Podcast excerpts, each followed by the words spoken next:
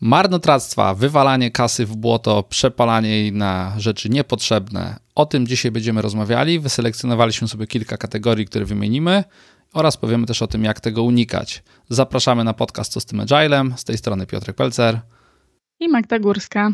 Zapraszamy.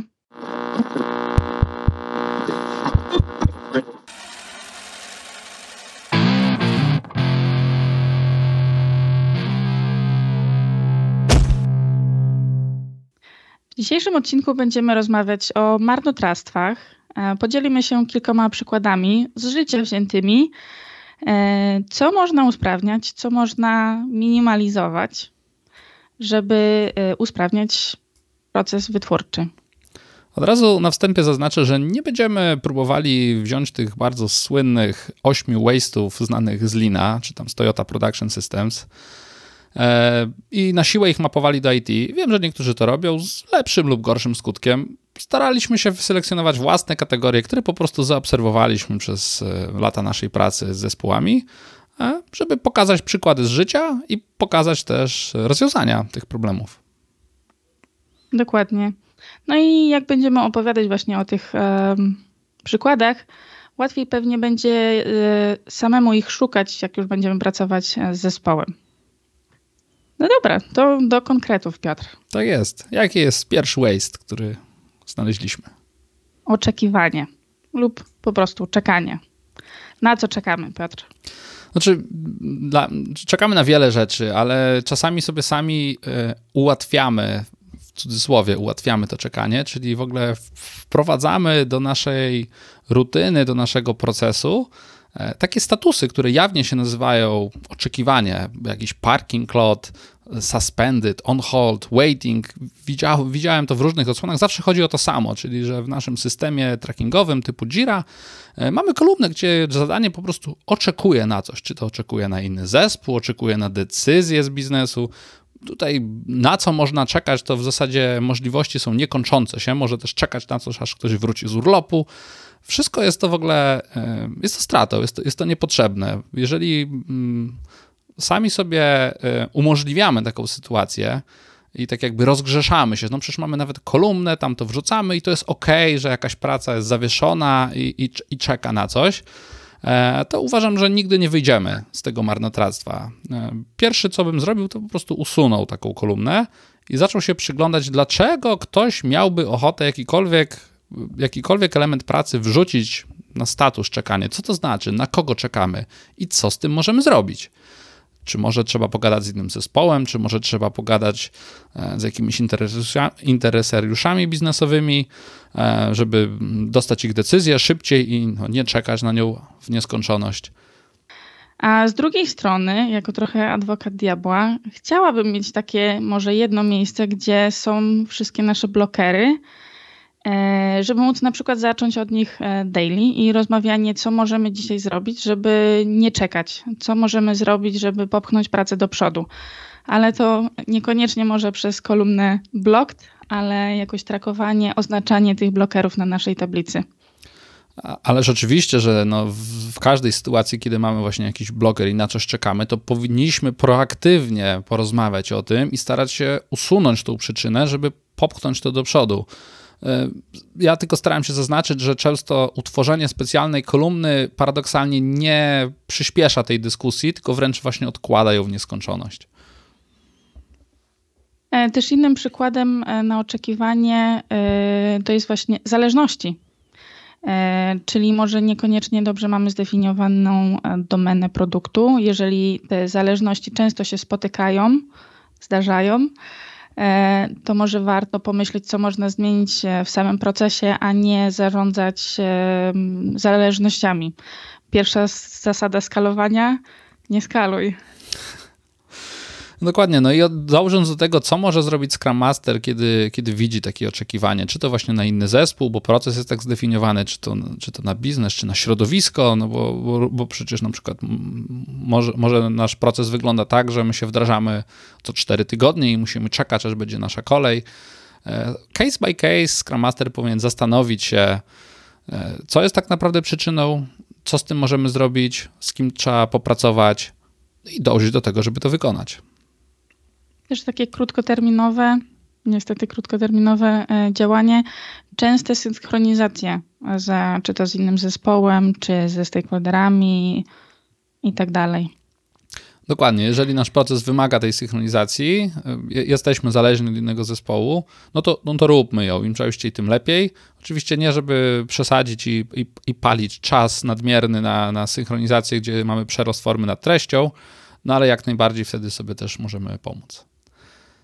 Jeszcze tutaj ostatnią rzecz do czekania jest też druga strona medalu, żeby e, nie skracać tego czasu przestoju czy tam nic nie robienia e, na maksa poprzez zwiększanie pracy w toku, e, bo po prostu intuicyjnie chcemy coś robić. Im bardziej jestem zajęta, to tym, nie wiem, bardziej efektywna. Przynajmniej takie jest może uogólnienie ale jeżeli na przykład tester jest cały czas zajęty różnymi powiedzmy e, zadaniami do przetestowania, a nie ma czasu skupić się na tej rzeczywiście priorytetowej rzeczy. Jeżeli e, deweloper na przykład ma, wracają do niego poprawki do zrobienia, a ma już kolejne zadanie, to też jeszcze context switching i ta praca też stoi, aż kolejna osoba musi skończyć swoje zadanie. To w sumie prowadzi do naszej drugiej kategorii, którą sobie znaleźliśmy i nazwaliśmy tak roboczo kawał dobrej, nikomu niepotrzebnej roboty.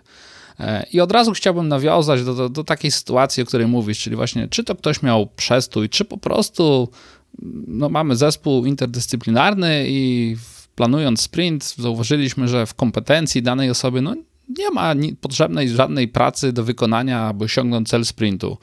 E, oczywiście tutaj no, są, są, są rozwiązania takie, że trzeba się zastanowić, jak ta osoba może pomóc w osiągnięciu tego celu, robiąc cokolwiek innego niż development swojej korowej kompetencji. No ale możemy też e, zrobić tak, jak ty mówisz, czyli zamiast, żeby ktoś nie czekał, żeby się przypadkiem nie nudził i żeby na pewno był dobrze zutylizowany, w jakichś raportach wychodził, że jego zatrudnienie jest sensowne, no to dajemy mu na przykład jakiś development na przyszłość. No bo i tutaj od razu posłużę się przykładem z życia, dosyć świeżym. E, pracuję z zespołem, który ma m.in. deweloperów aplikacji mobilnych. No i zdarza się tak, że praca, jaką muszą wykonać, to nie jest w tej chwili niezbędna. Aplikacja mobilna jest posunięta dalej do przodu niż inne komponenty. No i zamiast wykorzystać tych ludzi do pomocy w testach, do pomocy w jakiejś analizie, w refinemencie, nawet w developmencie innych technologii, jest szukanie na siłę, jak znaleźć im pracę właśnie w ich korowej kompetencji, czyli w developmencie aplikacji mobilnej, no bo przecież kiedyś backend do tego dojdzie i też ta praca będzie potrzebna. W praktyce się oczywiście okazuje, że jak backend do tego dochodzi na przykład 4 miesiące później, no to to, co oni zrobili jest w zasadzie kompletnie niepotrzebne, e, bo zostało to napisane tak, jak się komuś wydawało 4 miesiące temu, a nie tak, jak się wydaje teraz. Trzeba to robić na nowo, przepisywać, więc w zasadzie jest to utylizacja na siłę, która jest kompletną stratą czasu i kompletną stratą czyjejś energii. Kolejny przykład, e, jaki mi przychodzi do, do, e, do głowy, to mierzenie velocity i maksymalizowanie tego velocity, czy to liczby feature'ów, czy to story pointy, bez patrzenia na tak naprawdę na wartość, e, czy to, co dajemy użytkownikom. E, czyli bardziej dążenie za tym outputem, czyli robić byleby więcej. E, nieważne, że to bez sensu i to jest taka mm, no, trochę balans trzeba tu znaleźć, ale też właśnie myśleć o tym e, użytkowniku. Dokładnie. W ogóle metryki są dobre, tak? Posiadanie metryk i używanie ich, typu właśnie, tak jak wspomniałaś, mierzenie velocity, czy nawet mierzenie outputu poprzez prostą liczbę wykonanych e, ticketów, jest ogólnie dobre samo w sobie, prawda? Problem niestety zaczyna się wtedy, kiedy jakaś organizacja wpada na taki świetny pomysł, że będzie rozliczała zespoły w oparciu o jakiegoś właśnie KPI, jakąś metrykę. No, zespół z reguły składa się z bardzo inteligentnych osób i zauważa to bardzo szybko i stara się ograć taką metrykę, po prostu ją oszukać. No więc jaki jest problem dołożyć kilka bardzo małych elementów e, pracy do backlogu, do, do, backlogu sprintu, żeby albo zwiększyć velocity w story pointach, czy, czy, czy nawet w, liczbie e, itemów wykonanej pracy. E, no i wtedy zespół aktywnie skupia się na tym, żeby ograć metrykę, a nie na tym, żeby zrobić coś, co ma sens, jest, coś, coś, jest czymś wartościowym. Natomiast no, wiele firm sama, same sobie strzela w kolano właśnie poprzez jakieś takie pomysły na mierzenie rzeczy i rozliczanie ludzi w oparciu o metryki. I co może tutaj Scrum Master robić e, przy tych e, dodatkowych feature'ach, czy tam może na, na, na siłę robionych? Może niekoniecznie. Pytać, po co to robimy? Jaka będzie z tego wartość? Czy rzeczywiście to jest nam potrzebne? Znaczy nie nam, tylko użytkownikowi. Myślę, że możemy y, przejść do kolejnego. Chyba, ja, jeszcze chciałem dodać, że no Scrum Master powinien pracować na tym, żeby mindset w zespole każdej osoby był taki, że jeżeli skończyłem swoją część pracy, to powinienem się naturalnie zastanowić, jak mogę pomóc zespołowi w osiągnięciu celu, zobaczyć, co jeszcze mamy do zrobienia w tym sprincie i jak ja mogę w tym pomóc, w odróżnieniu od tego, żeby pierwszą myślą danej osoby było ok, to ja sobie wezmę coś nowego z backlogu, no bo dla mnie już nic nie ma. E, to jest oczywiście bardzo trudne i zajmuje dużo czasu, no bo zmiana mindsetu to nie jest coś, co można, o czym można po prostu porozmawiać i się wydarza. Jest to długa, ciężka, organiczna praca, ale no bardzo ważna. No i uważam, że od tej od roli Scrum Mastera należy tego oczekiwać. Teraz możemy przejść do kolejnego punktu. Dobra, to jeszcze e, nawiązuję do tego, tej kategorii kawał dobrej, nikomu niepotrzebnej roboty, czyli zbędna praca, o której nikt nie prosił. Wydaje nam się, że to będzie fajne, że wydaje nam się, że klient e, będzie z tego korzystał e, lub organizacja na tym skorzysta, czyli na przykład różnego rodzaju raporty ze statusem, statusami, rozległe sharepointy na stronie, minutki ze spotkania, strony w Confluence, do której nikt nigdy nie zagląda, a wydaje nam się, że to jest super e, potrzebne. E, może niekoniecznie, warto z, zweryfikować, czy, te, czy ta praca, ktoś na nią czeka. E, myślę, że to jest taki grzech bardzo często popełniany przez takich no, first time managerów, osoby, które dostały jakieś tam stanowisko niskie, menedżerskie po raz pierwszy w swojej karierze, no i one chcą się po prostu wykazać na siłę i często wykazują się w taki sposób, że właśnie wprowadzają jakiś szereg spotkań update'ujących, statusujących, wymyślają, wymyślają pracę dla pracy, żeby uzasadnić sens swojego stanowiska, robią to często po prostu ze strachu, tak, żeby, żeby pokazać, że, że oni zasłużyli na to, żeby być na tym stanowisku i faktycznie ich praca jest niezbędna, no a często no, stają się czystym, czystym, czystym waste'em, w zasadzie takim, taką kulą u nogi.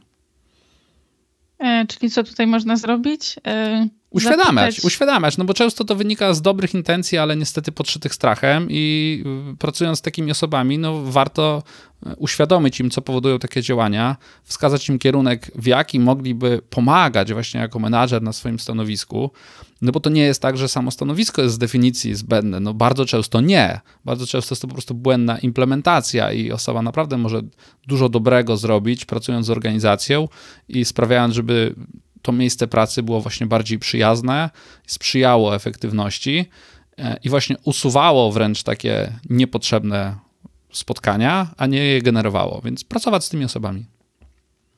No ja jeszcze chciałam tutaj dodać, właśnie zapytać, e, jakie są Twoje cele, czego potrzebujesz i działać e, w tym obszarze, a nie w tym, co mi się wydaje, że będzie dobre dla kogoś.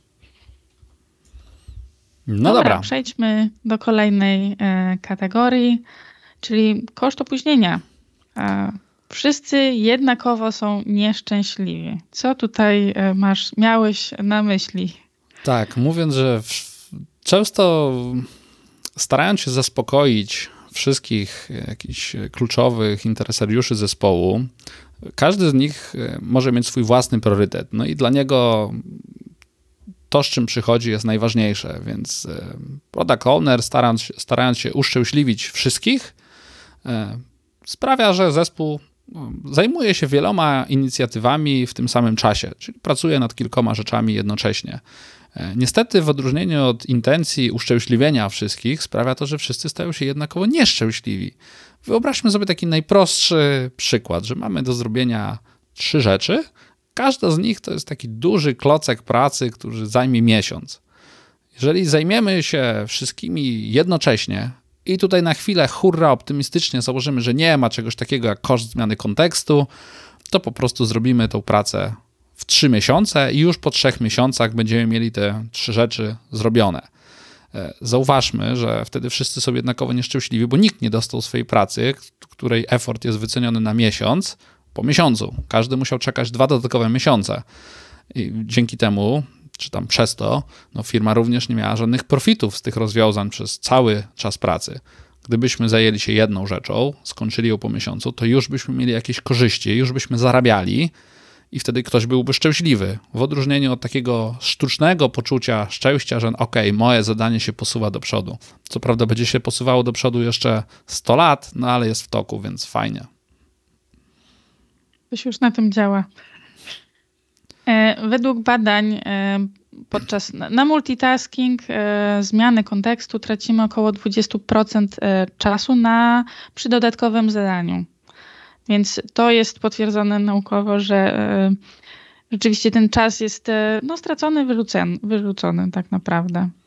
Ja tutaj mm, oczywiście czytałem różne badania również, ale tak obserwując to empirycznie na podstawie zespołów, które robiły wiele rzeczy w tym samym czasie, nawet jestem gotów powiedzieć, że dużo więcej niż te 20% dodatkowego czasu jest stracone na zmianę kontekstu. To jest jednak Zwłaszcza jeżeli mówimy o skomplikowanych systemach, gdzie po prostu no, praca jest trudna i żeby wykonać jakieś zadanie dobrze, no to trzeba się w to wgłębić. Trzeba, to nie jest tak, że jak mam godzinę i w środku tej godziny mam 20-minutowe spotkanie, to ja te 20 minut na początku i na końcu spędzę efektywnie. To tak po prostu nie działa. No, to trzeba się zagłębić, jakiś proces myślowy uruchomić w swojej głowie i dopiero wtedy zacząć coś robić. To nie jest tak, że za chwilę zapauzuję i wznowię dokładnie w tym samym miejscu w głowie, gdzie przerwałem. No, koszt, jest, koszt jest bardzo duży. Dokładnie. E, I co może zrobić tutaj Scrum Master, to e, wprowadzić zasadę stop starting, start finishing, e, wprowadzając na przykład limity na pracę w toku oraz czas, kiedy deweloperzy mają no, taki focus time, kiedy rzeczywiście mogą się skupić na, na pracy, nie mają różnych spotkań rozciągniętych na, na cały dzień. Dokładnie. Oczywiście tutaj dodam, że Scrum Master może to zrobić przez pracę z product ownerem, żeby uświadomić mu, że właśnie, żeby, żeby to on tak ustawiał priorytety, żebyśmy żyli w takiej kulturze e, kończenia pracy, a nie zaczynania to nowej, jak i również pracując z zespołem tutaj odnośnie tej części jakiejś tam pracy w toku i tak dalej. No, żeby to nie było tak, że Scrum Master narzuca to rozwiązanie, bo wiadomo, że to nie jest jego rola. E, okej, okay, więc e, jesteśmy mniej więcej w połowie naszych kategorii. To były pierwsze trzy. E, myślę, że na dzisiaj zakończymy. W następnym odcinku opowiemy o kolejnych trzech kategoriach marnotrawstwa. Jeżeli to, co mówimy, jest dla Was wartościowe, chcecie usłyszeć więcej, może macie jeszcze jakieś pomysły, o czym chcecie usłyszeć, subskrybujcie nasz kanał i dawajcie znać. Dzięki za wysłuchanie tego odcinka. Do następnego razu. Cześć. Dzięki, cześć.